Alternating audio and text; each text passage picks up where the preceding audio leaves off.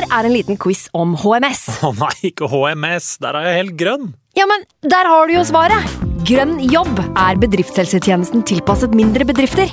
Våre HMS-eksperter hjelper mer enn 8000 bedrifter over hele Norge med alt fra lovpålagte HMS-krav til pålegg fra Arbeidstilsynet. Få på plass bedriftshelsetjeneste på grønnjobb.no. Hallo? Jeg kommer fra Oslo politikammer.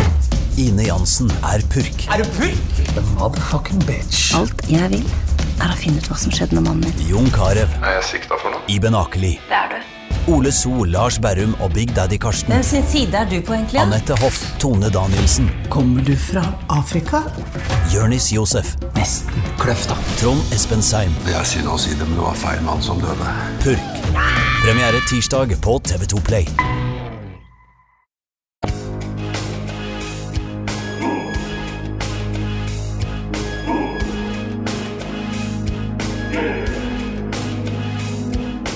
To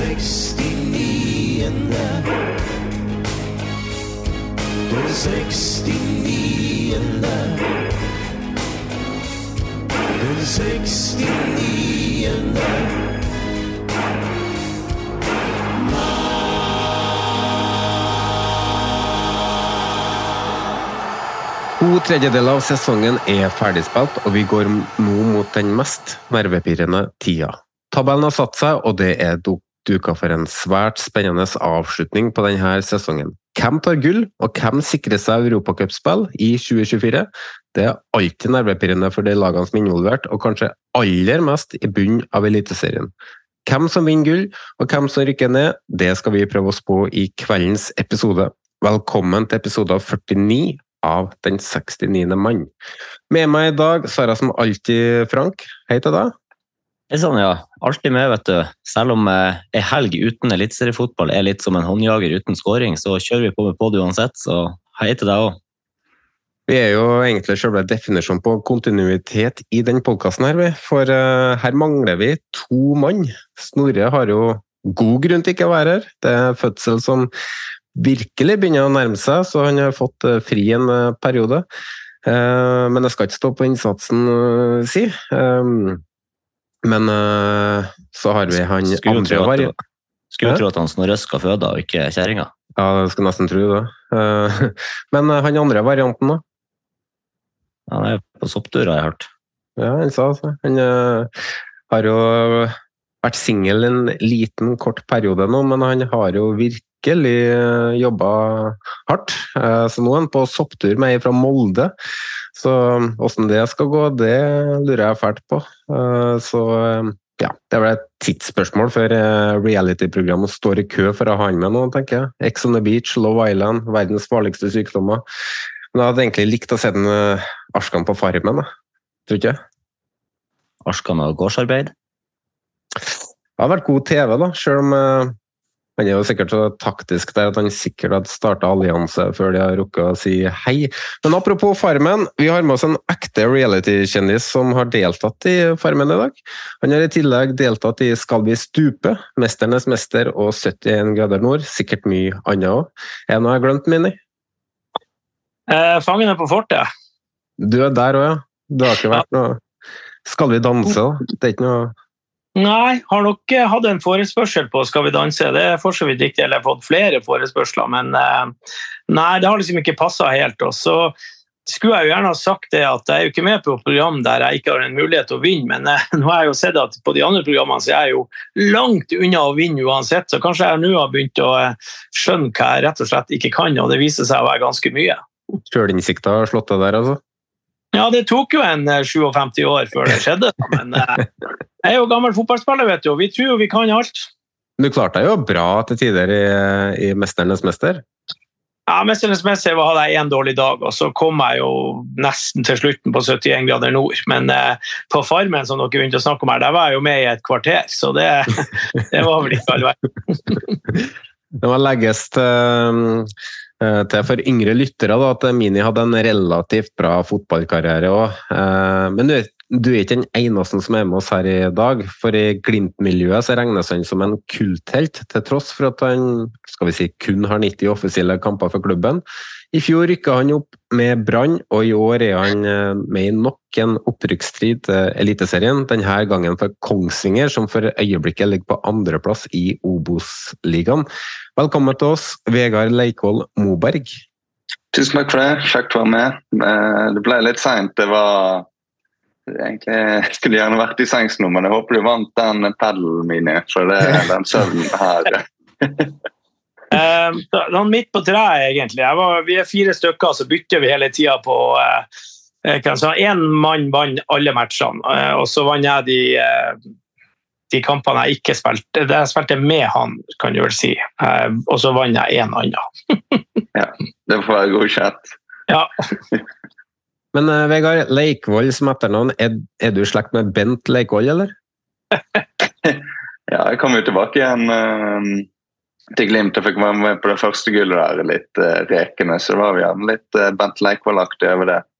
Ja. jeg prøvde meg på en melding til ham på altså til skuespilleren på Instagram, men jeg fikk dårlig respons. Så han er i hvert fall ikke stolt av å være i slekt med meg. Følte deg litt sånn bent etter fjorårssesongen òg, eller? Bidro til opprykk med Brann, og så er du førstemann ut døra? Det, det, blir jo litt omvendt, tenker jeg. Eh, da må vi eh, hva skal jeg si, Hvis vi skulle kommet rekende tilbake til Brann, så blir det gjerne litt eh, Bent Leikvoll over det òg. Men mest i Glimt jeg har hatt den uh, feelingen. Ja. Uh, vi går tilbake til deg, Mini, for uh, du har jo vært favorittspilleren til mange i min generasjon, inkludert undertegnede. Og du er en av få som hadde muligheten til å spille under uh, de to største trenerlegendene i norsk fotball, nemlig Nils Arne Eggen og Egil Drill Olsen, eller Roger, som du sier. Eh, du har vunnet Eliteserien med Rosenborg åtte ganger, cupen en gang, og deltatt i jeg tror det var fem Champions League-gruppespill. Du har vært med i to VM-sluttspill og blitt toppskårer i Eliteserien. I tillegg til at du... Er, er det nå jeg skal gjøre sånn, siden du har tatt to VM? Ja, ikke sant? Der viser Mini fram uh, to drakter fra VM-sluttspillene. Ja. 94 der og 98 der. Mm. Uh, det, skulle... det er, men det jeg er mest stolt inn på det her eh, skryterommet mitt, det er selvfølgelig ikke den uh, vimpel som Tiger Woods har signert, men det der, Vegard, en god, gammel Glimt-drakt. Ser ja, den er nydelig. Ja, den ser jeg. Det her er jævlig bra podkast, for der har jeg ikke video. Og Vegard fikk se han i 1985-drakt. Ja. Uh, jeg hadde tippa 93, hvis jeg skulle ha tippa. Ikke det ganske ja, nei, Da var jeg jo vasa nedi og dominerte. Da var du i Ja, ja. ja. Men uh, hvis vi skulle gått gjennom hele karrieren din, så tror jeg vi måtte ha sittet her i eh, noen timer. og det kan vi sikkert gjøre senere også. Men hvis du skal plukke fram ett høydepunkt fra karrieren, hva er det? Ja, det største øyeblikket mitt er nok eh, første året i 1988, da vi møter Start i semifinale på Lerkendal stadion. 22 000 tilskuere i øsende regnvær. 0-0 til pause. En av mine skolekamerater, Tor Arne Aga, eh, sto da i mål for start. Og jeg skåra 1-0 og 2-0. Og når du da får 22 000 som bare roper 'Mini, Mini, Mini' Da kan jeg fortelle dere at når du da er 22 år og første sesongen, så var det jævlig kult. Det er ganske kult at det er største høydepunktet når du har skåra mot Real Madrid. Gjorde ikke det på bortebane?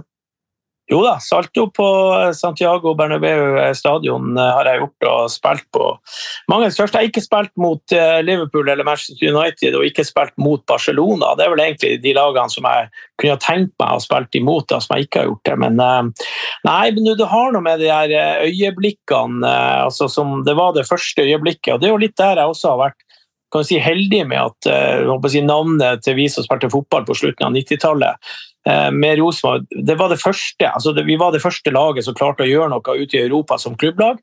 Og så var vi det første landslaget som klarte å, å gjøre noe ordentlig. Så jeg var liksom med på den første bølgen. Så sånn som Glimt herjer litt nå, og Rosenborg har også gjort det etterpå, så er det litt mer sånn Ja, det har jo vært gjort før, liksom. Så jeg mm. var litt heldig på den. Så derfor står denne startkampen veldig høyt til meg. Jeg har alltid tenkt på når du, du la jo opp som 34-åring i 99, og jeg tenker dagens fotball så er jo det ganske ungt, og, og, du var jo fast på Rosenborg på den tida der òg. Um, ja, men det er ikke helt, helt, rett. Min siste sesong i norsk fotball i 99, men jeg spilte Champions League i 2000. For eh, det var på den tida vi var ganske gode, så vi hadde vunnet pulja vår i Champions League i 99. Og så spilte vi eh, andre gruppespillet i Champions League på våren 2000. Så min siste kamp var 20. mars hjemme mot Real Madrid. Mm. Hva var grunnen til at du la opp så tidlig, hvis vi kan kalle det tidlig?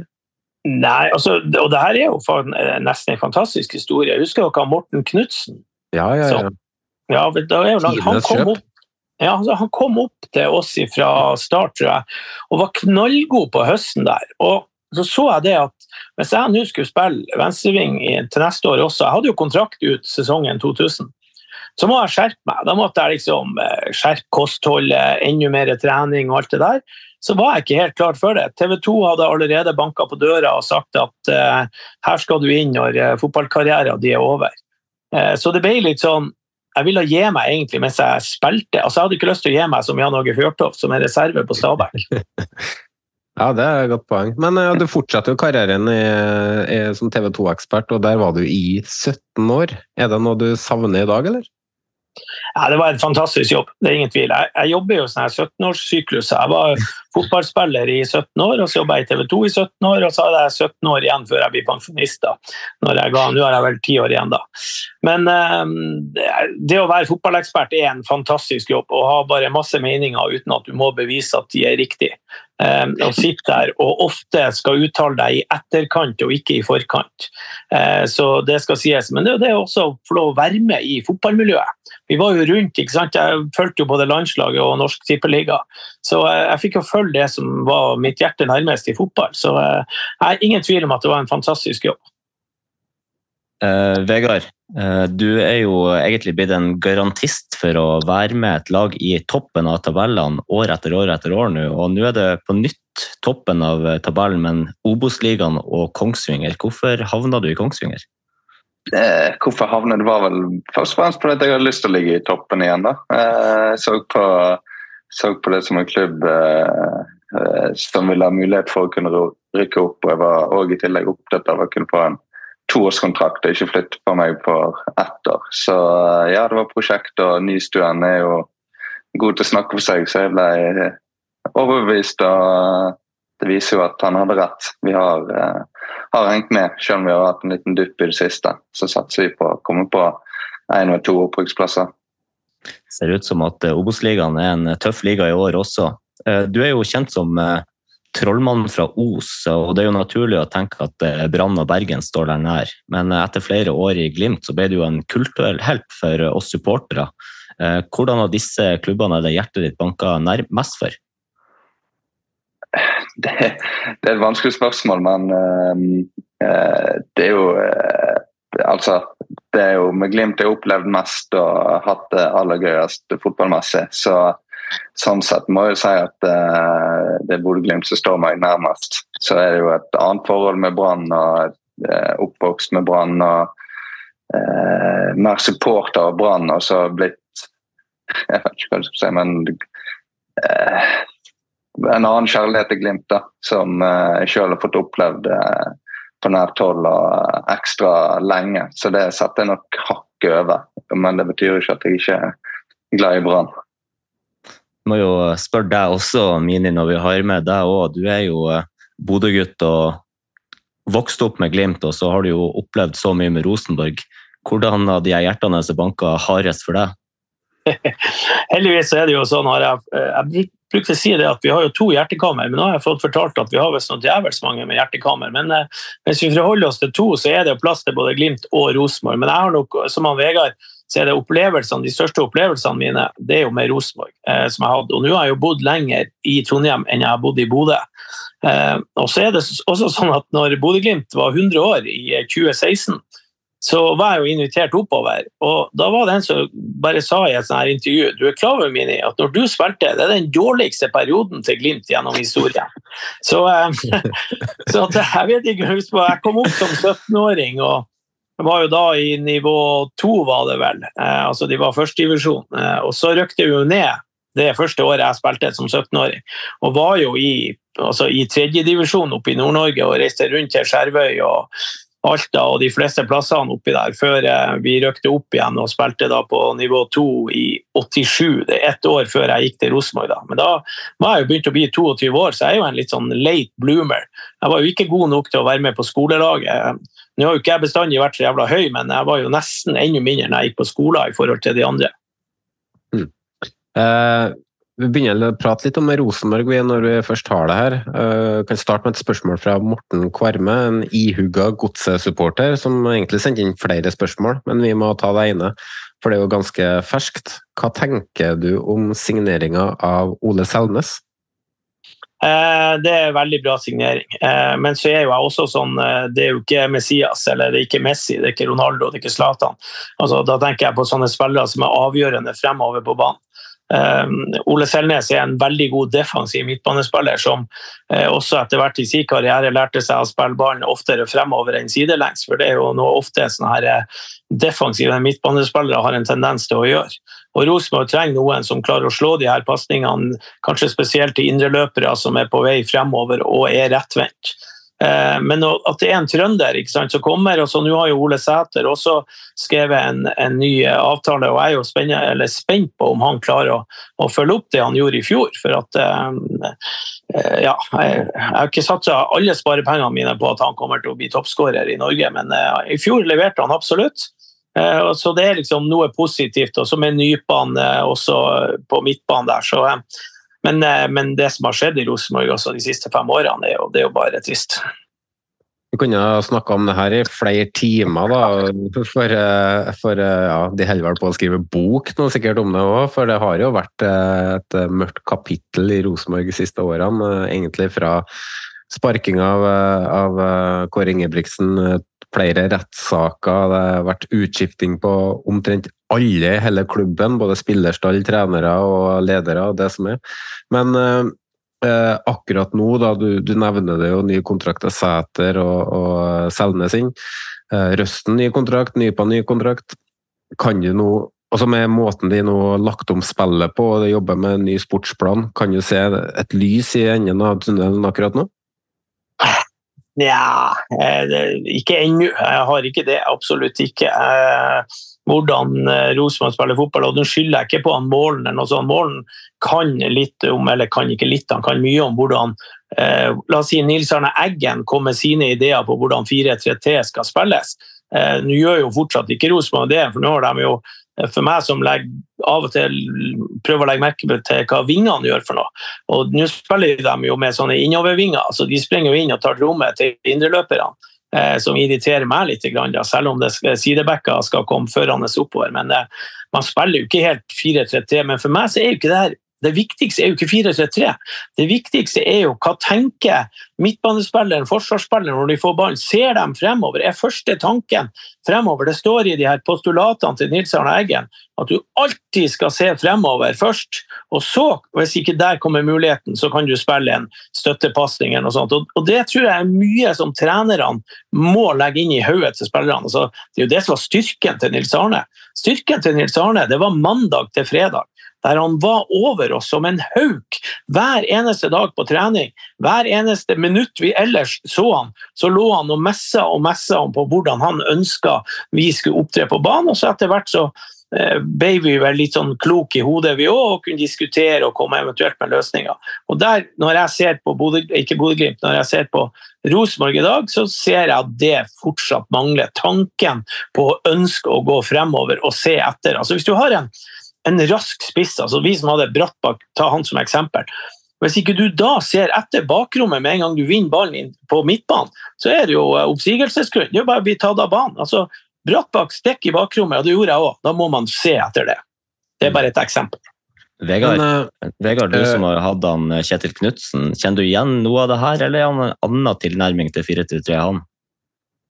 Det er vel ganske likt, men at han jeg vet ikke om du skulle si litt mer moderne, men han er mer opptatt av bekkene som kommer seg høyt opp og rundt. og Dette som gjerne Rosenborg òg er inne med, med mer innoverkanter i dagens fotball enn det var for uh, eh, 30 år siden. Men hvis du ser på Glimt, eh, Vegard, altså hvis du tar Pellegrino, så ligger han bredt til han får ballen, og så eventuelt går inn, og eventuelt at sideback kommer. Mens Rosenborg-vingene går inn i det rommet lenge før de får ballen. Så Ja, du tar jo ut rommet til indreløperne, ja. ikke sant? Ødelegger rommet til, til indreløperen som skal komme opp der. Og så handler jo det også for meg, altså det, det er jo generelt uansett, altså å spille folk som er rettvendt. At ikke du hele tida skal møte ballen når du er feilvendt, det, det er ikke noe sånn kjempegod idé. Ja, det, jeg mener jo at det er jo riktig å komme inn med vingene, men det er jo bekkene som skal utløse den bevegelsen. Når bekkene har kommet høyt, da skal vingen inn, mener jeg da. Gjerne litt Ja. før for å åpne opp rommet til hvis det er det som er formålet i angrepet. også. Men uh, hva bør Rosenborg egentlig gjøre nå, da? Med, for Svein Målen er jo en dyktig og fotballklok eh, fagmann, men er han rett mann til å ta det her videre? Altså, hva gjør man hvis man nå er det hvor mange kamper igjen? Ni, nei, åtte kamper igjen. Se for deg at du Ja. Hæ? Ti kamper? Ti? Hvor mange kamper skal vi spille? To- eh, 34? 32? Ni for Rosenborg, ja. Ni for Rosenborg. Ja, er riktig. ja. Jeg prøvde å sitte her med en tabell foran meg, så jeg skulle være, men nå sitter jeg jo og kikker på Kongsvinger, så det er jo faen ikke så rart. det er ikke så lett å forholde seg til de riktige, men det er sant. Men det er jo ni da, til Rosenborg. Eh, så hvis målet er, da syns jeg vinn sju kamper, da. Skal du gjøre da det klassiske som har skjedd stort sett i mange andre klubber også, også med Rosenborg. Eh, Hovedtrener får sparken på sommeren, en eh, assistent tar over, eller det er, gjør det godt på høsten og får eh, kontrakt som A-trener. Jeg tror ikke, og jeg har egentlig ikke lyst til å si det, for at jeg, jeg liker Målen, og Målen er en fin type, men jeg er ikke sikker på at Målen er hovedtrener i Rosenborg. At det er den personligheten eh, som Rosenborg trenger som en hovedtrener. Det er ikke jeg sikker på. Jeg mener det bør ta over. Nei, for det, nei, det følger jo ikke jeg opp med på. Nå så jeg jo at eh, eh, var det han eh, ikke, ikke Bob Paisley, men han eh, heter? Bradley. ja, tok over, tok, tok over Stabæk her. Og det er klart En mann med suksess tidligere der er Hamren mann som kom, men da blir jeg jo litt sånn Vi skal huske på under Hamren så tapte ikke Rosenborg eneste fotballkamp, men det var jo jaggu meg noe av det kjedeligste du kunne gjøre på en søndag, var jo å gå på Rosenborg-kamp. Altså, selv om de vant, så var det jo møkk kjedelig å se på dem. Og, Mm. og det kan vi ikke ha. Vi må ha noe som ønsker å gå fremover på banen. Hva skjer hvis Ranheim med Kåre Ingebrigtsen vinner eh, 80% av de neste kampene? Er han aktuell? Han er den nest mest eh, vinnende Rosenborg-treneren gjennom historien, og bor da i byen. Så det eh, Jeg vet ikke. Og jeg, med en gang jeg sier noe om Kåre, så sier folk ja, det er jo ikke så rart, det er jo kompisen din. Men eh, det har, det har ikke noe med det. Så det, er en, det er en faktaopplysning, for å si det sånn. Men eh, vi får nå se om han vinner 80% av kampene der han da, først. Men eh, det er jo et navn som har kommet opp som en uh, Birger Løfald i, i, i Adressa har vært inne på, og det er jo eh, Og Sagbakken, eh, for så vidt. Det er jo eh, Per-Mathias Høgmo i team sammen med Målen. Kunne det ha vært noe? Eh, runde nummer to med Per-Mathias? Nei. Ja. Ok, da går vi videre. da kan du ta Glimt-sekvensen, eh, Ja. For et lag som har vært eh, litt eh, artigere å se på de siste årene, og spesielt med den sesongen som har vært nå, er jo det Glimt-laget. og Det starta jo så vanvittig bra, og så har det plutselig tetta seg, den gullkampen. og Vegard, hva er det som har skjedd de siste månedene i Glimt? Eh, først vil jeg bare si at eh, jeg, altså, jeg håper Glimt vinner gull, men jeg er glad for at jeg er med på den rekorden som blir stående fra 2020. At de ikke kan, at de ikke kan ta den. Um, hva som skjedde det, er jo ikke godt å si. De er inne i en uh, formdupp etter de siste kampene. er vel uh, gått ned på tabellen etter ferien. Det um, de er veldig opptatt av det å skulle ha treningsuker og trene godt. og Nå har det vært masse kvalikkamper og cupkamper det ene og det andre. Så det er å komme inn i den flyten igjen. Jeg får finne uh, treningshverdagen, så blir det ikke lettere å finne den nå når eh, de skal ut i gruppespillet i Conference League. Så ja, jeg er litt spent på hva, hva de faktisk eh, skal gjøre framover. Hva planen er for å snu en litt vond trend. Litt litt for enkle baklengsmål. Framover mot HamKam var det jo veldig bra den perioden etter, etter pause. Når du ha fire mål, så er det noe av det bedre de har gjort i år. Men da hjelper det ikke når du slipper inn fire mål, mål mot HamKam. Det, det er jo ikke godt nok til å vinne gull. Jeg har jo uttalt det i podkasten et par ganger at eh, Glimt er Norges definitivt beste angrepslag i år, men de er ikke blant topplagene eh, defensivt. Eh, er du enig med meg der, Mini? Ja, ja. Det er ikke noe, noe, tvil om det. Og det skal sies at det var jo vi i Rosenborg òg. Det handla jo om å vinne 3-2 og ikke 1-0. Eh, når vi gjennomfører Hamren, som vi snakka om her i sted. Hvis vi ser på hva Glimt har gjort faktisk det siste halvåret, eller siste halvdel av sesongen siden 1.7, så er faktisk Rosenborg foran Glimt på tabellen. Altså ett poeng mer, én kamp mer spilt. Bodø-Glimt ligger på åttendeplass her, ser jeg. Eh, hvis vi går tilbake til 1.7. Så det er jo spesielt i og med at de har vært så gode over så lang tid. Men det som er så herlig med Glimt, altså ligger under 2-0 mot Stabæk, nei, sorry, mot HamKam, så, så, blir det sånn at vi er jo ikke bekymra, for at vi vet at Glimt kommer til å skåre. Og at de gikk opp til 4-2, det var kanskje det mest naturlige. Så kan det være en litt sånn ting som Vegard kjenner til som har spilt fotball. altså Det sniker seg inn i en sånn liten at du blir plutselig den lille halvmeteren for sein. Eh, du tar ikke det ene løpet, den ene taklinga som gjør at eh, HamKam plutselig kommer inn i matchen. For at HamKam skal jo være altså sånn død. Eh, når de da slipper inn eh, var det på 20 minutter de kom fire mål også. Altså det var sånn helt sykt at, at du lar HamKam få lov til å reise. Det handler litt om hvordan du opptrer på banen. Eh, nå har ikke jeg sett kampen, jeg har bare sett høydepunktene. Men det handler litt altså, om å, å smekke til HamKam fortsatt, og ikke gi dem noe trua, og det tror jeg de gjorde. Vi skal snakke litt mer om Glimt etterpå, når vi skal snakke om gullkampen i år. Men først så skal vi oppsummere litt av det som har skjedd i Eliteserien til nå. For de aller fleste har nå spilt 20 kamper. Noen har spilt 21, og Stabæk står nå med 19 spilte kamper. Og eh, vi har jo vært inne på det, Glimt ble jo omtrent seriemester i juni, men eh, men det ble trukket tilbake pga. et lokomotiv fra Jåttåvågen. Hvor imponert er dere over det Viking har fått til? Kan jo starte med deg, da, Mini? Eh, veldig imponert, jeg må si det. Og så syns jeg det også er herlig eh, altså De starta opp med, når vi snakker om trenere og litt sånn, eh, med han eh, Batty og hva heter han andre? Morten Jensen. Ja, altså når de var, det, to, eller tredje sesongen de holdt på nå. Eh, som de gjør en, en, en, god jobb, og folk har trua på dem. og Så går det jo litt grann imot dem, men at klubben fortsatt står bak og er tålmodig, og så klarer de å komme tilbake uansett. for de, Det har jo vært litt sånn berg-og-dal-bane med dem også. Men eh, hvordan de har spilt fotball. Så, men det har litt med det her jeg skal ikke si at det er enkelt, men det der med å få de her gode opplevelsene som plutselig gjør at du har sånn sinnssykt trua på deg sjøl. Og det er klart at de nå har spilt eh, var det ti kamper, vi har fikk vel en uavgjort der nettopp. Eh, det, det, har noe med Når du går på banen jeg, jeg, kjenner meg jo litt igjen, så jeg husker langt nok tilbake. altså vi var jo aldri i tvil om at vi kom til å vinne på Lerkendal stadion. Og det skjedde jo også etter hvert selv når det kom store lag i Champions League på besøk. Så visste vi at vi hadde en sjanse til å slå dem. Og det tror jeg kom inn i det her vikinglaget etter hvert. Eh, og de har klart det som vi snakka litt om her med Glimt i sted. De har klart det å holde trykket oppe og ikke liksom miste den lille halvmeteren. Det er akkurat som de har akseptert at vi er så gode pga. at vi gjør de her prestasjonene, pga. at vi legger ned den ekstra meteren. Så tror jeg at de har eh, fått til det de har gjort. Da. Men veldig imponert. Så er det artig. Vi trenger, husk på, vi trenger de fire største byene blant de seks beste lagene i serien hvert eneste år. Og nå tilføyer Vegard? Nei, det som er inn på Når du først kommer inn i den flytsonen, og om du ligger under en kamp, så har du hele tiden truen på at du kommer til å snu det. og Du, du bare kjenner sidekameraten din vet at dette her skal vi vinne. og eh, De har i tillegg fått med fansen veldig, veldig på Vikingstadion, altså de, eller SR-banken, hva det heter.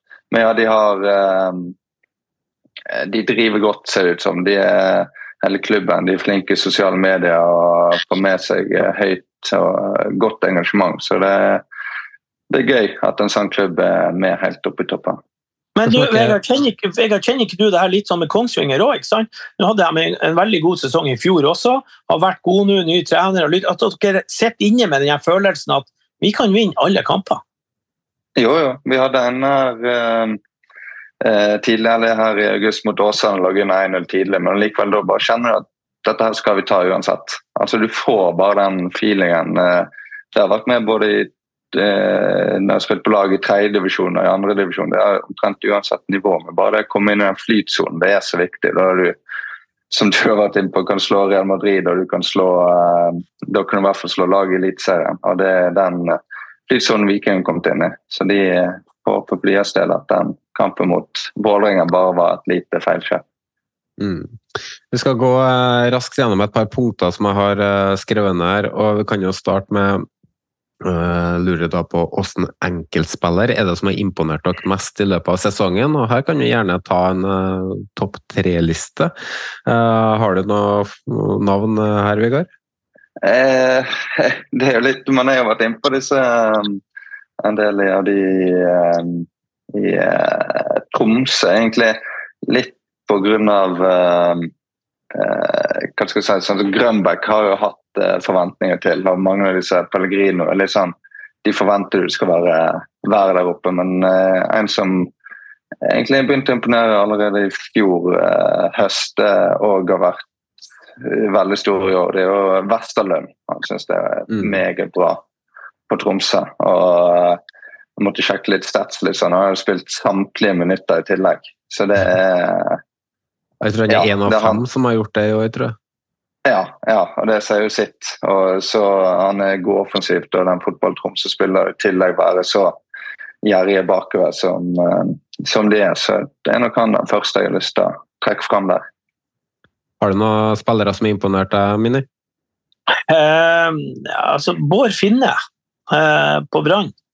Eh, Skåra jo dessverre noen mål her mot Rosenborg som var altså litt sånn klasseavslutning. og Jeg er litt sånn enig med Vegard altså at uh, Pellegrino klarer å gjenskape de her prestasjonene år etter år. og Så reiser du ut og så kommer du tilbake, og så fortsetter du bare å skåre. Uh, det er selvfølgelig spilt, og jeg er også veldig glad i Grønbæk.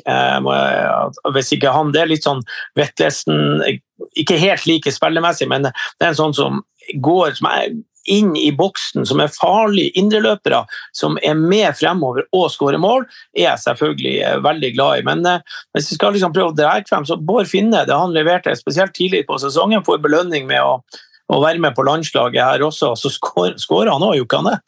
Så, eh, ja, så eh, nei, Bård Finne skal få den. Og så må jeg jo si som har overraska meg eller overrasket gang etter gang. Nå klarer jeg jo selvfølgelig å glemme navnet på ham, men Celtic er mål. Han som gikk nå nettopp fra Molde, han som kom fra Stabæk for mange år siden. Eh, Spiss. Brynildsen. Brynildsen, ja, for søren. Spilletypen hans. Eh, litt sånn Ser ikke all verden ut, men eh, leverer og har levert godt over lang tid. Så eh, ja, nei. Eh, jeg får lov å ta de to, så tar jeg dem. Og det er helt tilfeldig at ingen av de jeg har valgt, er over 1,75. eh, Frank, har du noen navn å tilføye her? Jeg satte ikke opp så i topp tre-liste, men jeg satte litt i forskjellige båser. da. Jeg satte opp eh, Albert Grønbæk eh, fordi at jeg mener at han har vært ligaens klart beste spiller til nå. og Det var på en måte den båsen jeg satte han i, det at du forventer at han skal være god, men han har levert så vanvittig til den forventningslappen han fikk. Så den jeg syns har tatt så ekstremt store steg i år, er Emil Breivik på Molde. Også en spiller som kom veldig ut av det blå for meg, er Vegard Erlien i Tromsø. Mm. Så de tre har jeg satt opp. God liste, da. Eh, hvis vi går inn på talenter, da. Eh, her er, sier jo kanskje i hvert fall det ene navnet seg sjøl, eh, Mini. Ja, Nypan eh, må du nevne, det er ikke noe tvil om det. Spillestilen hans, eh, og det er jo det jeg liker liksom med han, eh, at han er veldig direkte, han også. Altså, du ser han tar med seg ballen gjennom ledd som indreløper. Han er bra, han ser smarte løsninger også.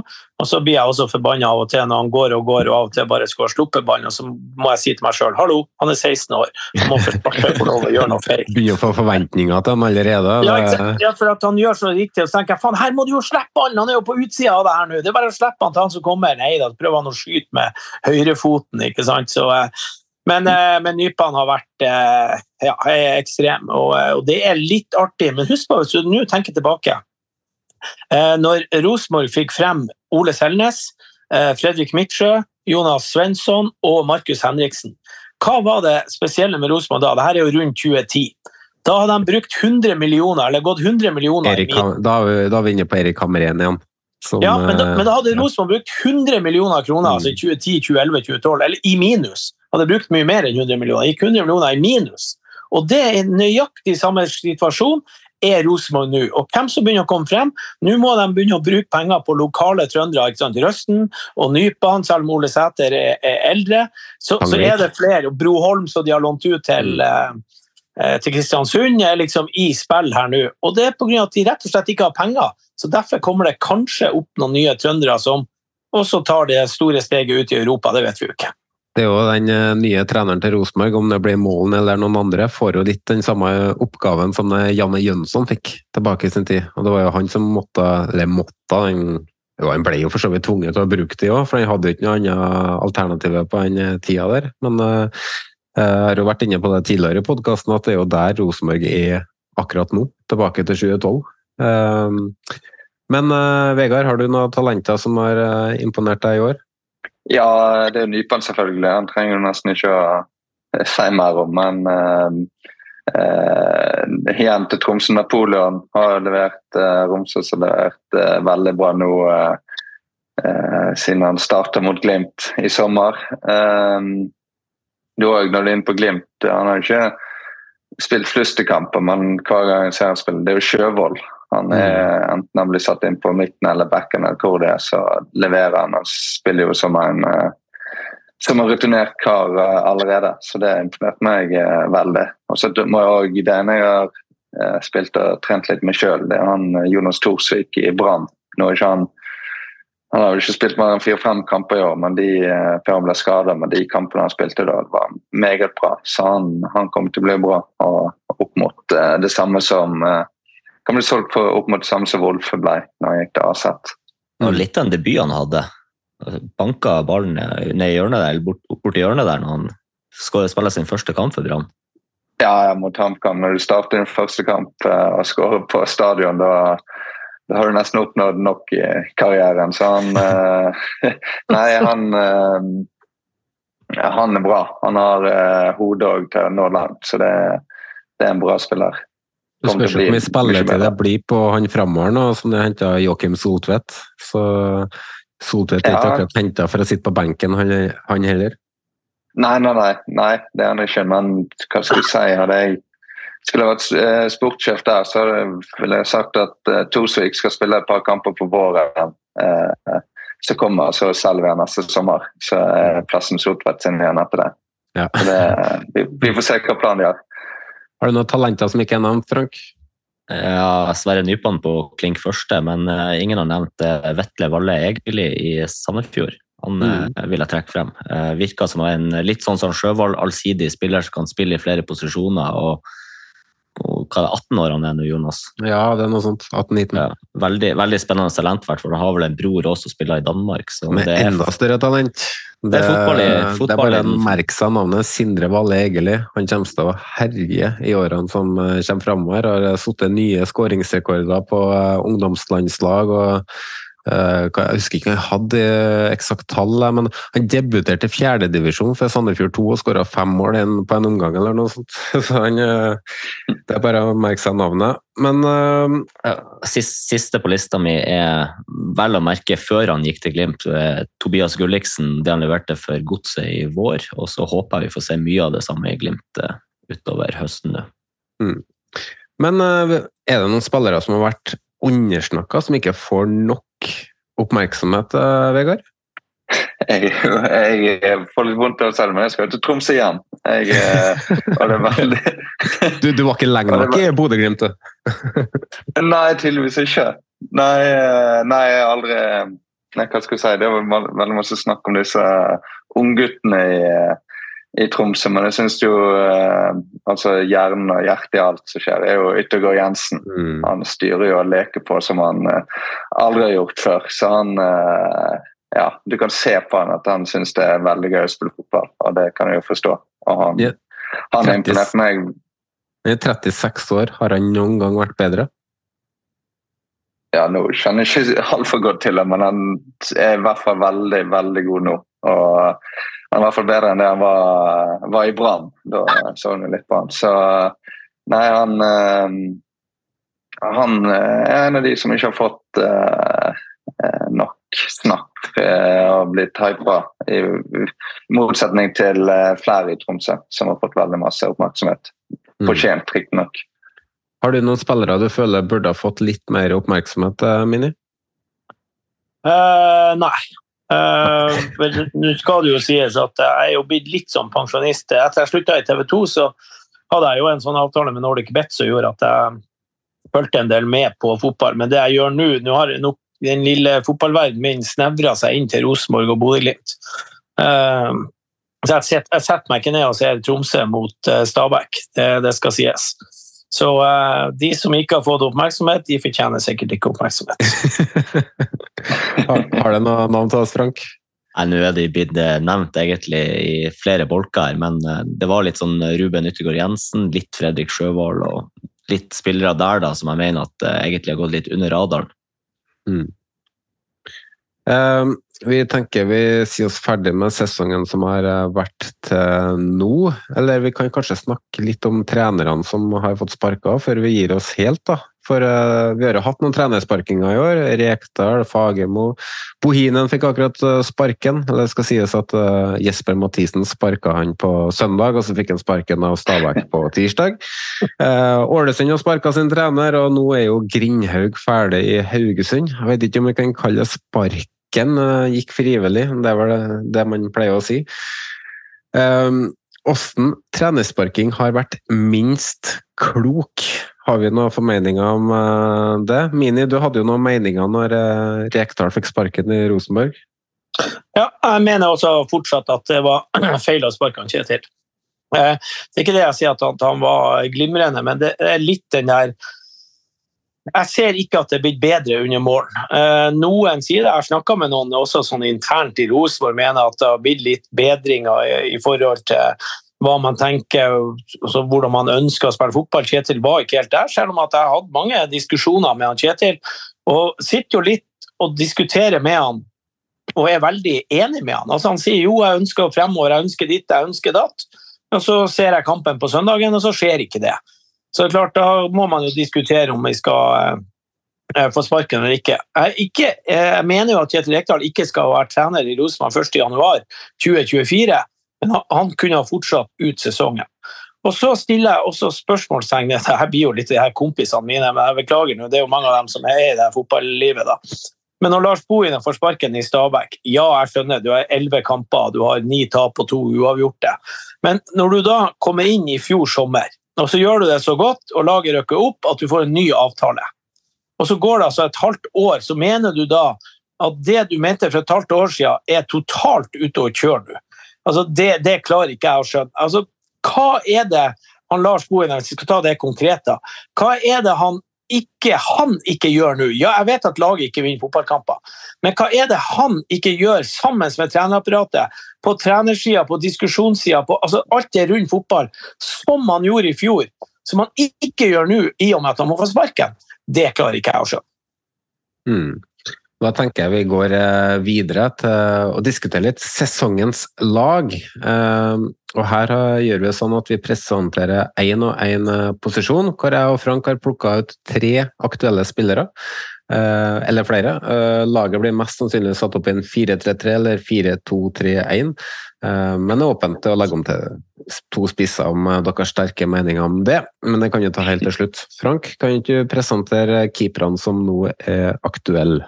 Ja, vi har plukka ut fire keepere som er aktuelle til å være med på årets lag til nå. og Det er Leopold Valsted, Jakob Haugård, Viljar Myra og Egil Selvik. Har vi noen tanker der? Kan starte med Vegard.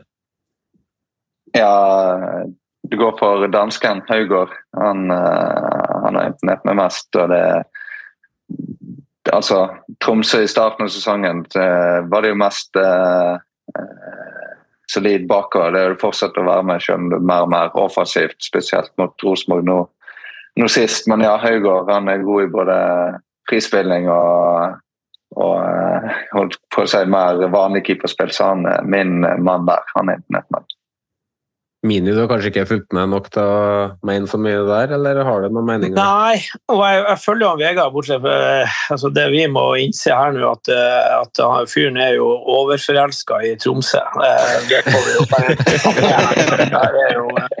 her har du fått lov å oppleve å spille for Bodø-Glimt og vinne, og så er du sjøl fra Brann eller fra Bergen, og så gjør du ikke annet enn sitte og lovprise folk oppe i Tromsø. Det, det, det her er jo Ja, nei, jeg har flere jeg har flere også som skal inn, inn på det laget. Så Tror, tror du at Vegard driver og legger inn en sånn søknad om at fansen skal stå med bannere på tribunene med 'Vi vil ha Moberg', eller er det Ja, det, det virker jo veldig eh, sånn. eh, men, eh, men, men det skal jo sies at Troms er jo ganske høyt på tabellen, så eh, de gjør jo noe bra. Det, det er det jo ikke noe tvil om. Eh, Men jeg kan godt være med på Høygård. Altså, jeg også liker jo de her eh, keeperne som er rolig med ball. De trenger ikke være like rolig som Haikin i, i Bodø-Glimt, for han gjør jo at hjertet hopper et par, tre, fire ganger. Så av og til så blir jeg sånn Du må ikke spille deg ut. Det er jo en sånn greie. Det er jo sånn med fotball. eh, Du Vegard, som spiller nå. Altså, det går jo i bølgedaler, eh, fotball. Det skjønner jeg òg. Det er jo moter på hvordan man skal spille fotball. Men hva er det her greia at dere må spille dere ut? Altså, Inni femmeteren skal det stå én spiller og en keeper og spille småpasninger når man blir pressa, istedenfor å klinke denne ballen opp. Altså, hva, hva Er dere også sånn i Kongsvinger? Det skal spilles smått ut. ja, de vil vel egentlig det. Eh, Så har det vel blitt mer direkte og gjerne hvis den ballen Jeg er ikke så masse involvert i det spillet. Da blir det bedt om å flytte meg opp på midten og være den mannen som skal bli klinka opp på. Så jeg, eh, jeg er glad i den klinkingen, jeg. Så av og til må vi gjøre det. Ja, Men, det der, eh, men for alle, vi tar keepere som er rolig med ball, så jeg, jeg blir med på Høygaard. Er du òg med på den, Jonas? Jeg har Valstedt, men jeg ser eh, grunn til å ta med Høygård. Jeg syns han var enda mer markant på starten av sesongen, og det er kanskje litt med at Tromsø ikke var like solid bakover på banen da, og da ble han eh, litt mer eh, delaktig. Og Valstedt mener jeg var outstanding første kampen, eller frem til han dro. Men Høygård har absolutt vært veldig god. Så har Viljar Myhra hatt kanskje de høyeste toppene av eliteseriekeeperne i år, men har òg hatt et par eh, lave bånder da, som gjør at han detter ut. Ja, skal vi, Da låser vi inn Haugård i mål, og så går vi videre til høyrebacken. Ja. Der, der har vi tre alternativer. Det skal nevnes at eh, Brisveen Mangomo og Erik Vikne faller akkurat utfor her, men de tre alternativene vi har da er Niklas Westerlund, Martin Linnes og Sondre Bjørshol. Jeg tør ikke å si mer. Det, det er Westerlund på han. Jeg tror, for meg så kan du bare klinke opp Westerlund. Han er på mitt lag. Ja, jeg tar, jeg tar Linnes. Eh, Jeg syns han er så god. Og for- Og det skal du huske på, det er sikkert ikke rett, da, men jeg ser jo på hva de gjør offensivt. Eh, Jeg ser jo ikke så mye, og Vegard har sikkert litt bedre kontroll på hva de gjør defensivt. Men eh, jeg ser jo hva de bidrar med offensivt, og Linnes inn på laget mitt. da. Jeg har også Linnes, så vi er jo egentlig to mot to her. Eh, Hvordan skal vi løse det? Oi, det er jo Men da, meld, da sier jeg jeg er ordstyrer, så jeg melder ikke noe i dag, så dere får eh, Da må, styre da må jeg eh, Jeg er fram med den her, for jeg liker jo egentlig ikke Tromsø. Jeg mistenker, jeg mistenker at jeg mistenker det kommer en Tromsø-spiller på midtforsvaret uansett, så gir vi den her til Molde. Ja, Tenk hvis vi hadde høy, keeper, høyreback og høyre stopper, og det hadde vært eh, bare Tromsø. Da har vi hatt en god start på Vegard her. Yes, Vi går over på motsatt back. da. Eh, Der eh, må det nevnes at eh, David Møller Wolfe og Kristoffer Haugen akkurat ikke får blitt med i kåringa, for vi har landa på Joakim Soltvedt, Fredrik Bjørkan og Shane Patinamnam. Eh, Vegard, har du noen formeninger her? Ingen Tromsø-spillere? Ingen Tromsø-spillere. Nei, de gjorde ikke akkurat valget lettere. Eh, Jeg har gått på Patinyama. Han eh, eh, Ja, jeg syns han er god. Han har imponert meg òg. Jeg liker spillere som er litt uh, underdog. Altså han var vel Jeg tror Viking hadde sluppet han i vinter hvis uh, spilleren sjøl hadde hatt lyst til å gå. Det var vel snakk om HamKam, om jeg ikke Ja. husker Alle trodde han var klar. Ja, faktisk. Jeg husker jeg så han i en treningskamp eh, på Marbella. Da så han veldig, veldig umotivert ut. Så eh, bare det å snu den trenden til å være blant, eh, blant de bedre backene i årets sesong, da, det er nok for meg til å gi ham plassen. Han har vært veldig god. Hvem du vil ha på venstrebacken, Mini? Man skulle jo tro at jeg tok eh, Bjørkan, eh, men jeg syns ikke han har levert eh, opp imot det nivået han hadde når han dro. Eh, så, eh, og nå eh, husker jo ikke jeg alle navnene, men han kompisen deres her nå på, i Viking han blir jeg med på, for jeg har jo sett alle lagene i år. Men de begynner å bli mye mer enn Hansen og Larsen på det navnesida. Så, så han, hva kalte han Vegard, han venstrebacken din? Er det Patinyama som har rett, eller? Vi sier Patinamami. Det, blir Ja, det er internt. Det er sånn Frank kan uttale det. det. Ja. Men jeg blir, jeg blir med på han. Jeg støtter han Vegard. Men jeg må si, hvis du hadde fulgt mer med, så tror jeg du hadde gått for Soltvedt. For det er en offensiv målpoengspiller. Han er på mitt lag. Jeg er på Soltvedt. Ja. ja. Ja, ja, Du er på Soltvedt, du òg? Ja. Men vi kan godt la gjestene få lov til å bestemme Ja, ja. den her, så Ja, ja. da går vi for Viking på venstrebacken. Jeg er litt, men jeg er òg veldig god kompis med, med Soltvedt, så jeg er litt mer der at da, han skal Ikke få noe gratis. Han skal ikke få noe gratis fra meg. Nei, han skal ikke få noe gratis fra meg. Yes, Vi beveger oss til midtstopperne, og der har vi da plukka ut fem navn, og vi skal velge to av dem. Eh, Så kan vi nevne de som ikke ble med, og det var da brannduoen Kristiansen og Seri Larsen samt eh, Bjørtuft fra Glimt for ikke være med i kåringa. Bare for Eh. effektivitetens skyld, skal vi bare sette opp Brekalo med en gang? Ja, Brekalo er vel klink. Skal vi da eh, bare nevne de fire siste navnene og bli enige om den siste plassen, én blant de fire, da, så er det da Jostein Gundersen i Tromsø, Gustav Valsvik i Strømsgodset, Kasper Øyvand, Tromsø slash Molde nå, og Bjørn Inge Utvik i Sarpsborg. Ja, dere vet hvor jeg skal? du skal ha samme plass, i, tenker jeg, Vegard. Ja, vi skal nok det. Mm. Jeg har i hvert fall Gundersen på min liste. Du Mini, kan du forsvare en Bodø-gutt i Kasper Øyvand inn på laget, eller? Nei. Altså, eh, forsvarsspillere Åge Hareide sa det en gang i tida. Angrepsspillere kjøper du, og forsvarsspillere henter du på kretsfengselet. Så her skal dere få være. Eh, Blir det Trom Tromsøs Jostein Gundersen, da? Ja, den er for sent. Jeg støtter han Vegard. Jeg, jeg, jeg, nå henger jeg meg på Vegard. jeg. Vegard har dobbeltstemme på det her, det ble bra. Eh, over, er over, på, over på midtbanen, da. Her, her tenkte vi å ta ut eh, Vi har seks navn, og vi tenkte å ta ut tre spillere på midtbanen.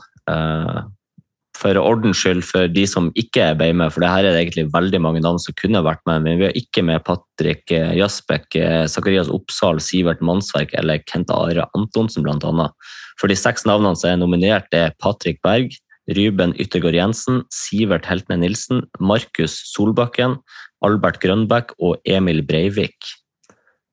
Har vi noen som må på laget ut av de seks? Grønbæk. Grønbæk. Jeg føler må de tre jeg veldig på. Jeg tipper egentlig alle, alle sammen har de tre. Altså Patrick Berg, Grønbæk og Breivik. Det er vel Jeg vil ikke Breivik. Du vil ikke ha Breivik? Nei, jeg har stått og vippa mellom eh, Solbakken og Heltene Nilsen.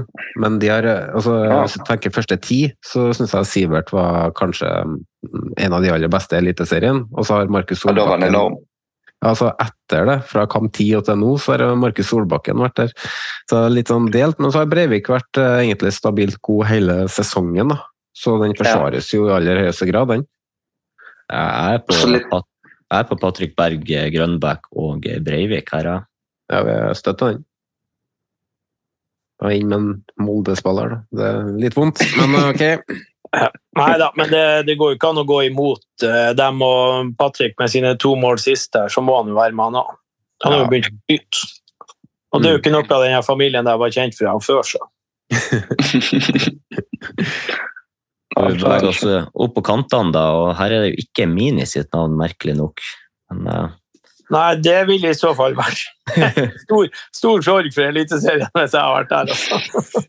Nei, Vi har, eh, vi har eh, fem navn for å dekke de to kantposisjonene nå her. og Da har vi valgt ut Slatko Tripic, Amal Pellegrino, Danilo Al-Saed, Gjermund Aasen og Tobias Gulliksen.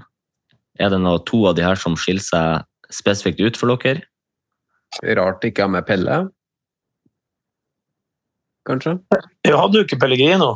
Jo. Han er så klink, han er så klink, regner jeg med. Ja, Pellegrino jo den, må få være med. Uh, men uh, Tripic får du ikke for meg. Det er for mye sutring på han. Ja, men, det, jo, men han er jo en sånn, han er litt sånn som han Vidar Riseth var i gamle dager. Altså, Gir juling, men tåler ikke å få juling. Det er jo de verste som fins. Og Tripic er der. Han er takler og peiser på folk, og så sutrer han når folk er borti han. Nei, han får ikke være med. Har du eh, noen navn, Vegard? Ja, jeg har Pellegrino og han som ikke får lov til å være med. Nei, det skjer, nei, det skjer ikke. Da legger jeg på. Jeg har òg en tidligere rest av oss, Tripic, på kanten her. Det er så feil dere. Hva skal man Tripic? Han Det har jo vært eh, veldig bra i år, da. Så, Han er jo ikke sånn kant, altså sånn ordentlig kant. Han får jo vase inn i midten. Nei, men Han, han åpna ikke sesongen sånn all verden, men selv om han ikke leverte topprestasjoner, så hadde han noen målpoeng i de kampene. Og så etter det så har hans betydning bare blitt sterkere og sterkere, og han har jo en avgjørende fot med i det meste, da, enten det er hockeyassist eller assist eller scoring. Avgjort flere kamper. Um, gjør en utrolig ærlig jobb defensivt i tillegg, så selv om vi, det offensive som teller jeg er jo enig med dere at han er en god fotballspiller, og han er viktig for Viking og gjør en god jobb for dem. Men syt. Jeg liker ikke folk som syter. Så veit jeg at du har Tripic på lista òg, Frank, så jeg bare skriver opp han, ja, da. Ja. Ja, ja. ja. Nei, nei, men ikke tenk på at jeg, jeg har spilt åtte og en halv sesong i Eliteserien og har åtte seriegull og én sølv. Helvete, ja. det må jo trumfe noe her! ja, det, ikke denne gangen. Ikke, ikke, hos oss. Nei, det skal sies at de begynner vel å bli muggen farge på de medaljene også, så jeg kjøper det. kan opp, vi, kan gå opp, til den siste plassen på laget, og her tror jeg det er hard konkurranse. For når navn som Vegard Erlien og Pål Alexander Kirkevold ikke er med på kåringa, så vet man at det er tøft om den plassen her. Og det står da mellom Akor Adams, Bård Finne, Faris Pemi Mombagna og Lars Jørgen Salvesen? Uh, ja, jeg er, jo, jeg er, jo, glad i Bård Finne, jeg må jo innrømme det. Altså, det han har gjort, spesielt i starten, og i og med at jeg dro han opp i, i sted, så, uh, så, tar jeg Bård Finne.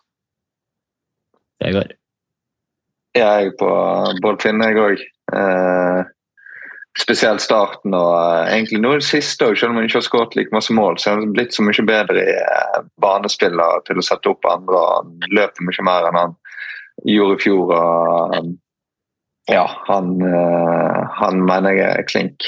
Uh, selvfølgelig du har Adams som, som uh, gjorde sitt, og du har Farris som gjør sitt, men det er et eller annet bare Jeg syns Bård er blitt mye mer komplett enn han har vært tidligere. Og ja, jeg syns han skal ha den. Jeg har uh, Akor Adams på topp, så det er jo spørsmålet kan Akor Adams trumfe plassen fra noen på midtbanen her? Det er en 4-4-2, uh, typ Breivik f.eks. Så hvis jeg skal sette de to ja. konkurrenter Jeg mener nei. Jeg mener Breivik har en bedre Nei, Breivik kan få være med. Du kan få hive, hive ut tripitch og så sette inn Jakob. Spille uten høyrekant?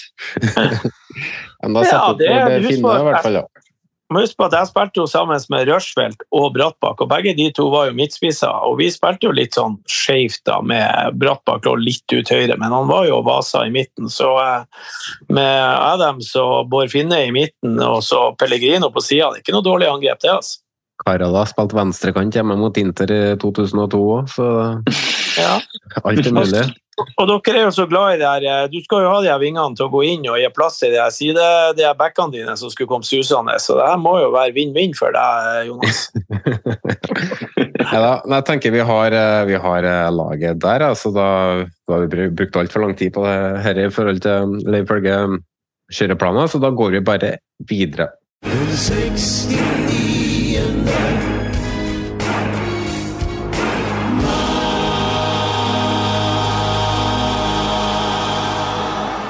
Og da skal vi over på å se framover, da.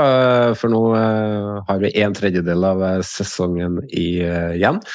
Og nå skal vi rett og slett spå litt utfall på det som skal skje framover nå. Og vi starter da med nedrykkskampen For Lars Bohinen fikk sparken i uka av Jesper Mathisen, som vi var inne på. Og nå er Bob Bradley tilbake i norsk fotball for å redde Stabæk fra nedrykk. Stabæk har ikke vunnet siden Bakenga avgjør med bagerslag hjemme mot uh, Vålerenga 29. mai, og uh, har, nok, har de egentlig nok kvalitet til at uh, Bradley kan redde de, Mini? Uh, ja, så Det der er vanskelig å si for alle de lagene. Kanskje Ålesund har vel vist seg å være kanskje det dårligste, sånn sett.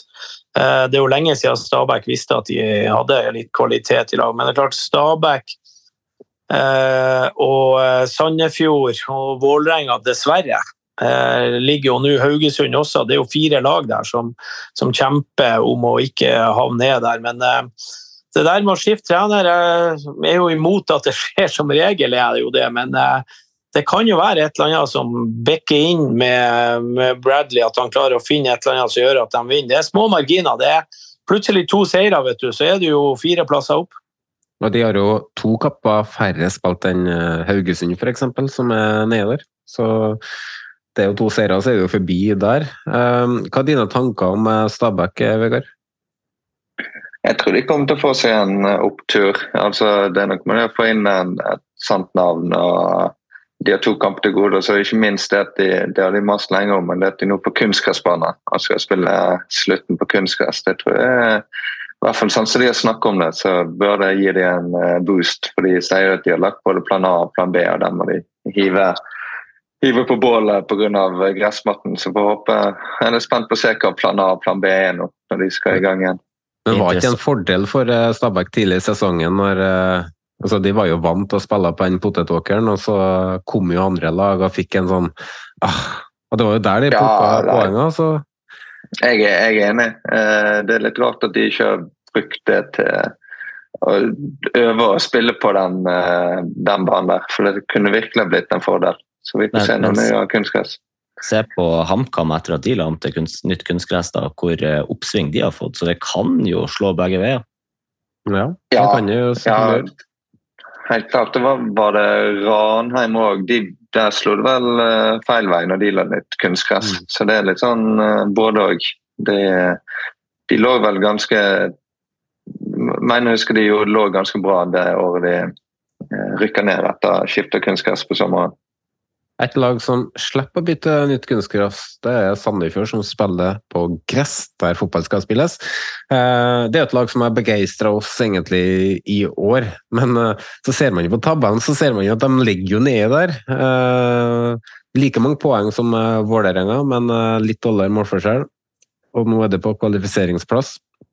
Har vi egentlig trua på at, på at Sandefjord kan overleve, Frank? Jeg tror at Sandefjord er det laget der nede som kan slå hvem som helst. For jeg tror Sandefjord har eh, et toppnivå, kan du si da. På en god dag så kan de vinne hvordan som helst kamp, men samtidig så viser de jo det at de har jo et skrekkelig bunnivå. da. Så eh, det er, vanskelig å spå, men jeg tror faktisk at Sandefjord blir å klare seg i år igjen, enda alle spår de ned. Vålerenga mine? Jeg sa jo litt tidligere her at uh, jeg ønsker at de fire store byene skal være blant de seks beste. Uh, det tror jeg gagner norsk fotball at uh, Brann og Rosenborg og Vålerenga og hva det siste, Viking er med. Um, så at Vålerenga ligger der de ligger, det er ikke bra for norsk fotball. Vålerenga skal være opp på tabellen. Det har noe med si, medieoppmerksomheten i Oslo-området som er ganske stor. og jeg håper at de får det til. og Nå har jo unge Bakke kommet inn, og eh, de har i hvert fall slutta å tape kamper. Men det er klart de må jo vinne noen kamper. her, så, Men eh, eh Vålerenga blir ikke å rykke ned. Men akkurat det her at de er så store, de har de, altså de er i Oslo, masse folk på stadion, eller det er jo ikke det, er mye folk på østblokka i hvert fall. Eh, mye oppmerksomhet, og media elsker jo når det går dårlig. Eh, kan det bidra til at det er ekstra vanskelig å komme seg ut av den krisa her?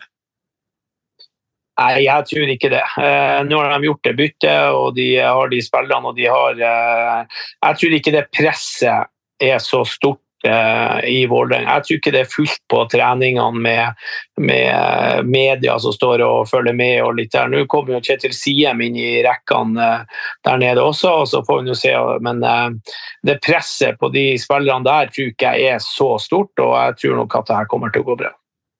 Vi skal ikke bruke noe mye tid på å snakke om HamKam, for de tror jeg egentlig eller vi tror i hvert fall at de er på sikker grunn, sånn som det ser ut, og sånn som de ser ut.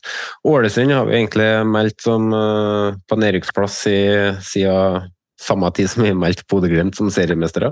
Men vi har et lag til her, og det er Haugesund. Og Der har det vært uro, misnøye, kritikk mot sportslig ledelse og dårlig spillerlogistikk. Det har vært bytting av lagkaptein, og nå er Jostein Grindhaug ferdig og vil fungere som rådgiver for 37 år gamle Nå skal jeg prøve her. Sånn skjev mann av ja, et eller annet, men uh, han er i hvert fall ny hoved, midlertidig hovedtrener i klubben. Um, de har fått rødt kort i 33% av kampene de har spilt i år. De har solgt sin beste midtstopper i sommer.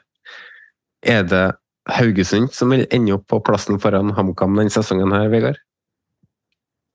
Jeg har uh, Haugesund faktisk på uh, nå. Altså, når det blitt bedt om å sette opp noe, så har de på 15.-plass.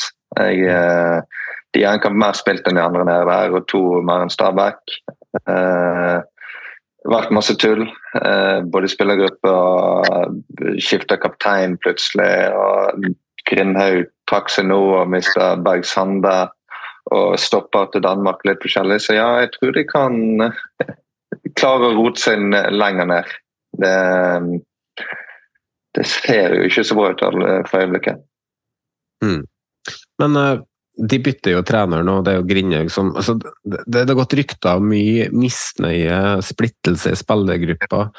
Uh, vi har ikke helt klart å få greie på hva det er snakk om det her. Nå vet jeg at uh, Frelst skal komme med en podkast nå hvor det blir litt synsing, blant annet. Men det er jo ingen som vet hva som er greia, da. Men uh, hvis det har vært misnøye i spillergruppa, vil det da, du som er spiller sjøl, vil det hjelpe med å bare få bytta ut det som er der av trenere? For nå har jo assistenter nå tredd til side, som jeg har forstått.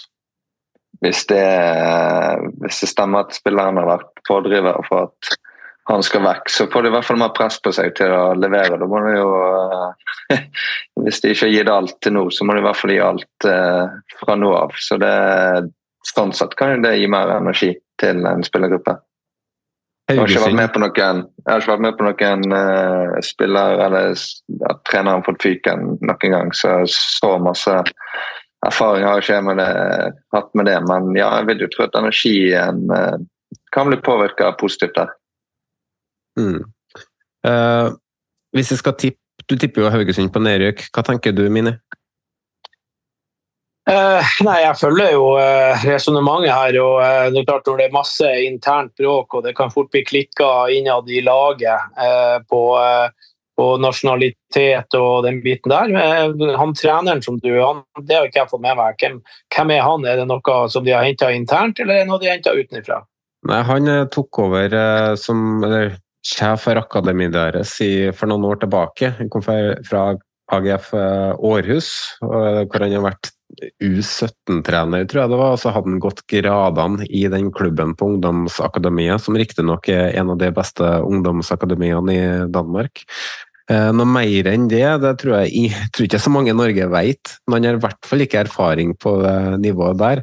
Så det minner jo litt om en sånn Rini Kulen-overtagelse, her, egentlig. Men eh, ja. Eh, Nei da, det, altså det ser jo Haugesund har alltid vært den der lille Jeg tror ikke det er noen lag som har liksom sånn gledd seg til å skulle dra til Haugesund og spille litt sånn knotete, reise dit og, og, og, ut på gressbanen deres og sånn, så har det vært litt sånn tungt. Men det tror jeg nok de har eh, mista, det er ikke noe tvil om det. Så eh, at det blir tøft, men det, det, er, jo, det er jo lotto. Og tipp hvem det er. altså Utenom Ålesund så er det jo litt sånn lotto hvem det er som rykker ned.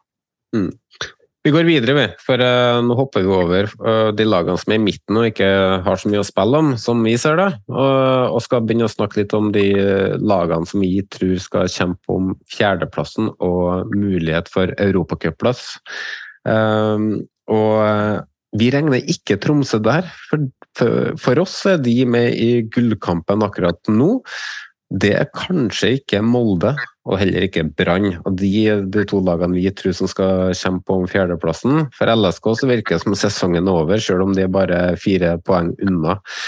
Brann og Molde, ett nyopprykka lag som ser ut til å komme tilbake til der de var før cupfinalen, mot Molde som har vært ustabil hele år, og nå skal ut i e-cup. Hva tenker du der, Vegard?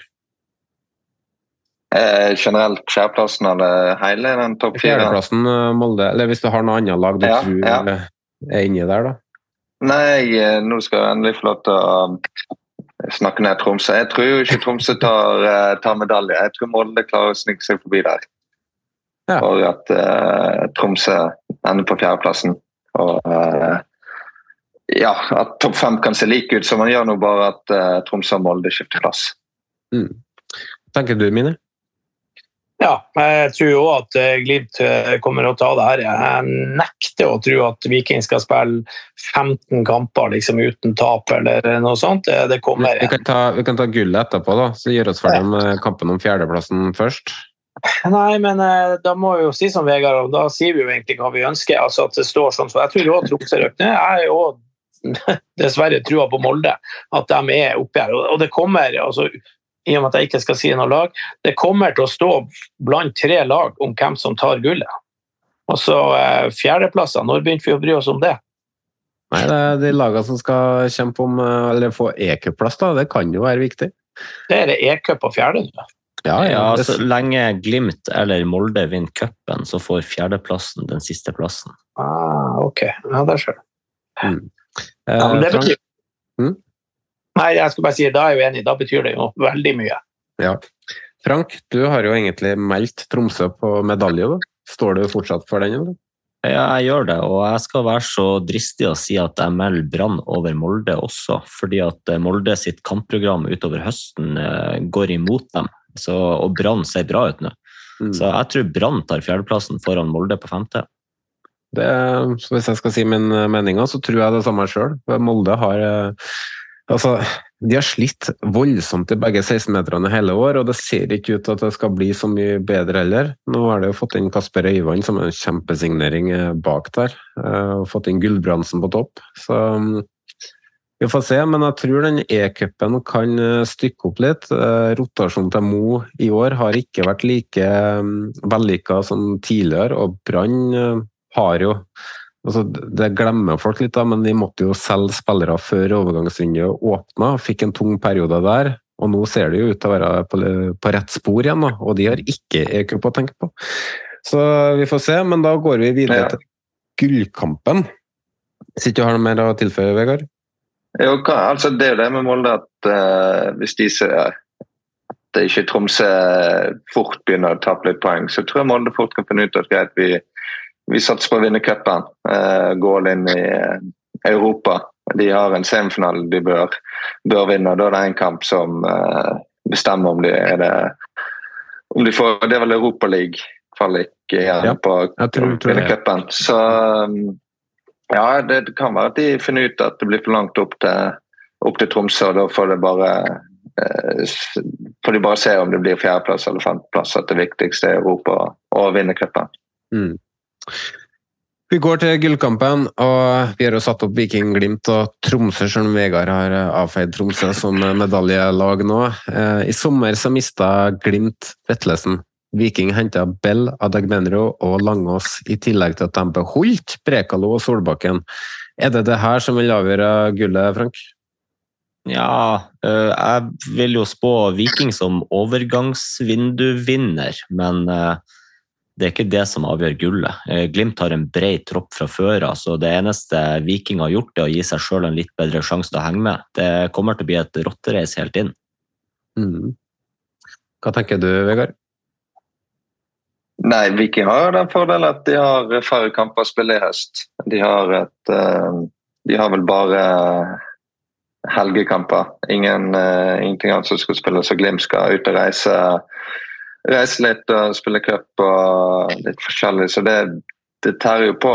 Det er jo, eh, det er jo det de mest glad i i Glimt. Sånn sett er jo treningsuker, så de, de er best når de får treningsuker. og Da, vi får se hvordan det spiller inn på, på serieformen. En ting er når de har spilt Europa og hatt uh, stor lykke ned til andreplassen, men nå må de jo kjempe og fighte og være 100 i alle oppgjør. Så jeg er litt spent på hvordan det skal utarte seg.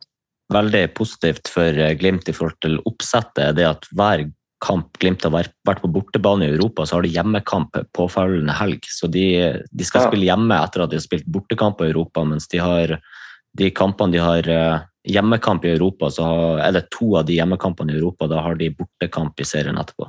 Det er rigga, vet du. Ja, eh, nei, eh, hva tenker du, Mini? Blir det gull for, på Bodø-Glimt i år, eller har du trua på at Viking kan ta det uten det samme kampprogram? Det kommer til å bli jevnt, eh, det er ikke noe tvil. Men eh, jeg er jo litt sånn altså Nå snakker dere om alt det her kampprogrammet og hvor vanskelig det er og alt det der. Eh, og jeg har jo vært med på det der og spilt to kamper i uka hver eneste høst. Og nå skal det jo sies at Under Nils Arne Eggen så var vi 13 mann som spilte fotball. Trenere og lag nå er jo så opptatt av å ha brukt 20 mann og alt det der. Vi var 13, maks 14 spillere som spilte hele året jeg tror det at så lenge hodet ditt er innstilt på at det er det, du er med på noe artig, du er med på noe spennende, du er med på noe krydder som ingen andre får lov å være med på. Hvis du, klart, hvis du har fokus på å fortelle hvor sliten du blir for at du spiller to kamper, så må du gjerne bli sliten. Men jeg tror Glimt nå har lært. De har vært med i mange år, eller noen år og gjort det her. Så jeg tror ikke det blir altså, det, Får du en skade så skjønner jeg. Men så lenge du holder deg skadefri, så klarer folk å restituere. Altså på, på, mandag og tirsdag så skal du bare kose deg. Så skal du spille kamp, eller det blir vel torsdag de skal spille kamp, da. Og så skal du bare holde denne gruppa i gang. Og da skal det være en positiv greie. Så kan de her eh, andre lagene sitte hjemme og klø seg på ballene og sitte og se på TV når du spiller på torsdagene eh, og får deg gode opplevelser. Så eh, sorry, gutter. Det der kampprogrammet det er for meg en, en, en ting som alle spillere ønsker seg. Jo da, men, men var ikke litt, eh, skal si, si, litt enklere på 90-tallet når du spilte, da? For da måtte dere yte like mye i Eliteserien som det Bodø-Glimt må i dag for å ta tre poeng? Ja, det, det måtte vi. Eh, og så Nå skal vi huske på at Bodø-Glimt har datt litt ned. Ehm, vi, jeg har sett en del fotballkamper. Jeg laga en sånn treneroppgave for en del år siden. Og eh, vi var jo ikke så suverene. Det var jo jevnt. Det var jo ikke sånn at vi eh, tok opp den poteten i, eh, tidlig i oktober, som det var snakk om. Vi, vi, vi spilte, men uansett så spilte vi og, og si, det samme laget hele tida. Og så går vi jo fra gode opplevelser også, ikke sant? Og det gjør noe med deg også. Og eh, det var faktisk ikke bestandig at vi gikk og la oss klokka 11 på kvelden heller, pga. at vi skulle feire de her gode opplevelsene. Så eh, nei, eh, slutt å sutre om et kampprogram og at de har så mye og de har så mye de skal tenke på. Herregud, hvor heldig Glimt og Molde er som skal spille semifinale i cupen, som skal eventuelt spille en cupfinale og få lov til å være i toppen av serien. Kamper som er spennende, publikum som bryr seg. Ut i Europa og oppleve. Og så sitter dere Nei, det er bedre å sitte hjemme og spise popkorn. Nei. det er frisk melk, det. Uh, så da kårer vi Glimt da, som uh, fortsatt favoritter til Altså, dere må selvfølgelig ikke, det er jo bare, men det her er min opprinnelige mening, som dere selvfølgelig skjønner. og det er også for at Gjestene våre er alltid fasiten min. Sånn, jeg, jeg, har jo tross alt hvert fall opplevd det her, altså, selv om det er lenge siden. og som du sier, altså, Men vi spilte altså to kamper. Vi spilte 60 kamper i året, stort sett. altså Hvis du tar med treningskamper fra vi møttes i januar. Og det var 14 mann som spilte de 60 kampene. Mm. Men nå har klokka blitt uh, nærme seg kvart på tolv på en søndagskveld. Uh, vi har fått inn en del eh, Twitter-spørsmål, spørsmål på Facebook, Instagram, en rekke spørsmål på DM-en vår, men det er litt for seint å gå gjennom nå, så det, de legger vi i banken og sparer til senere en gang. og så gir vi oss for kvelden. Og så Da må vi som vanlig da, takke til Jan Erik Balto, som eh, bidrar med alt det grafiske. Akkurat nå så driver han og jobber med noe veldig kult, som skal komme ut om veldig kort tid. Jeg skal ikke si noe om hva det er for noe ennå, men jeg visste at Jan Erik er en veldig talentfull og kreativ sjel. Jesper Horten Skjærnes må takkes, og Vestfold Lydstudio. Jesper finner dere på Spotify hvis dere søker opp Horten med hvor tre E er tretall, over eh, flere millioner lyttere der. Så Iver Steinsvik for utstyr. Så må vi selvfølgelig takke dagens gjester, Mini og Vegard. Det har vært en fornøyelse å ha dere med. Jo, veldig kjekt. Veldig hyggelig. veldig hyggelig, Beklager at jeg kom sent. Jeg har fått på telefon sånn her varsel om leggetid, så du har helt rett. Nå må vi gi oss. Ja, det må vi.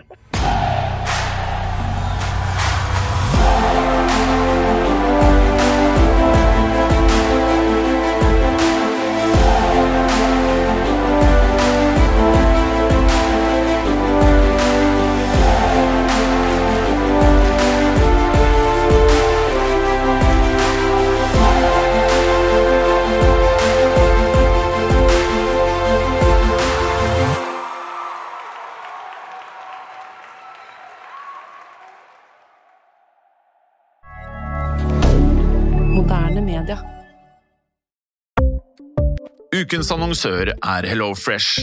HelloFresh er verdens ledende matkasseleverandør og kan være redningen i en travel hverdag. Mange av oss har nok vandret i butikken både sultne og uten en plan for middagen, som ender med at vi går for de samme kjedelige rettene gang på gang.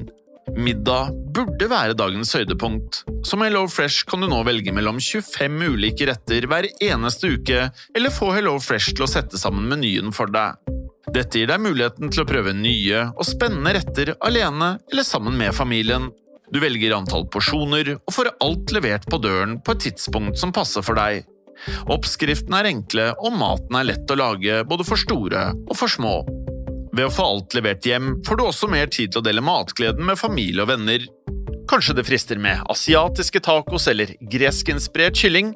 Da kan jeg anbefale deg om å gå inn på hellofresh.no. Her kan du bruke koden FOTBALL og få opptil 1779 kroner i rabatt på de første fem matkastene hvis du ikke har prøvd HelloFresh tidligere. Du kan også bruke rabatten hvis du har vært kunde og stoppet abonnementet ditt for tolv måneder siden eller lengre. Gå inn på hellofresh.no og bruk koden FOTBALL. Ukens annonsør er Folio, en smartere banktjeneste for deg som har en egen bedrift eller ønsker å starte for deg selv. Folio er en superenkel nettbank for bedrifter. Som kunde i Folio får du en bedriftskonto med et bedriftskort og app. I denne appen er det smarte løsninger som forenkler regnskapet ditt, uansett om du har en liten bedrift eller et enkeltpersonsforetak. Folio er både intuitivt og brukervennlig, og er laget med et enkelt språk. I tillegg tilbyr de forutsigbare priser og ingen skjulte gebyrer. Skulle du likevel trenge det, så kan du snakke med deres raske og hyggelige kundeservice, og der får du prate med en faktisk person og ikke en chatbot. Folio er med andre ord både enklere og koseligere enn banken. Over 10 000 bedrifter har allerede valgt Folio som sin banktjeneste, så besøk folio.no og se hvordan Folio kan forenkle din hverdag også. Har du et enkeltpersonforetak eller en liten bedrift? Da er du sikkert lei av å høre meg snakke om hvor enkelt det er med kvitteringer og bilag i fiken, så vi eh, gir oss her, vi. Fordi vi liker enkelt. Fiken superenkelt regnskap.